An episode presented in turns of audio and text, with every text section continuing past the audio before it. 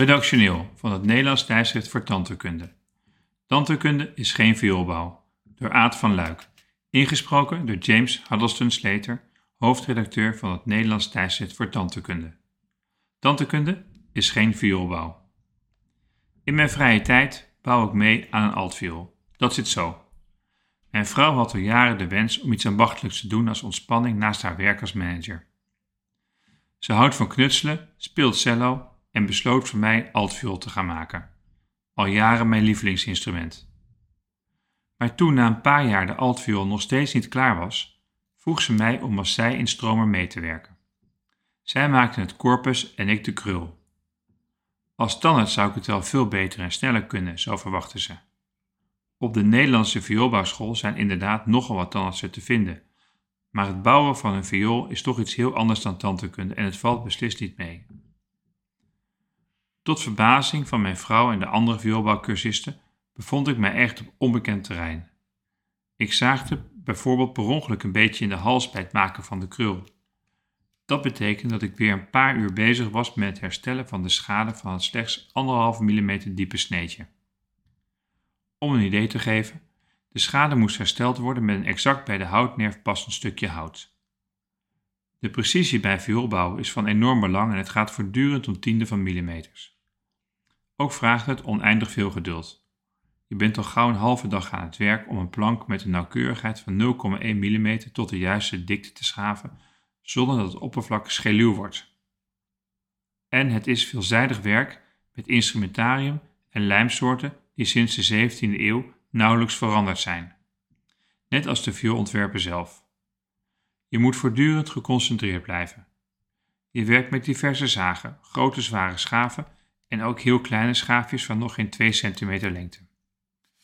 De messen, gutsen en bijtels moeten regelmatig worden geslepen en doen dan in scherpte niet onder voor een scalpel. Natuurlijk sneed ik een paar keer in mijn vinger. En toen ik per ongeluk langs de bijtel veegde met mijn hand, waren tot mijn verbazing drie pleisters nog niet genoeg.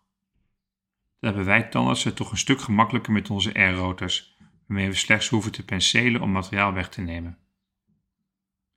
Raakvlakken.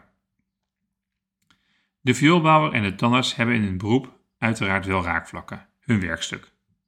De vioolbouwer werkt met hout, soms soepel en buigzaam, dan weer eigenwijs en weerbarstig vanwege de noeste of onhandige nerven.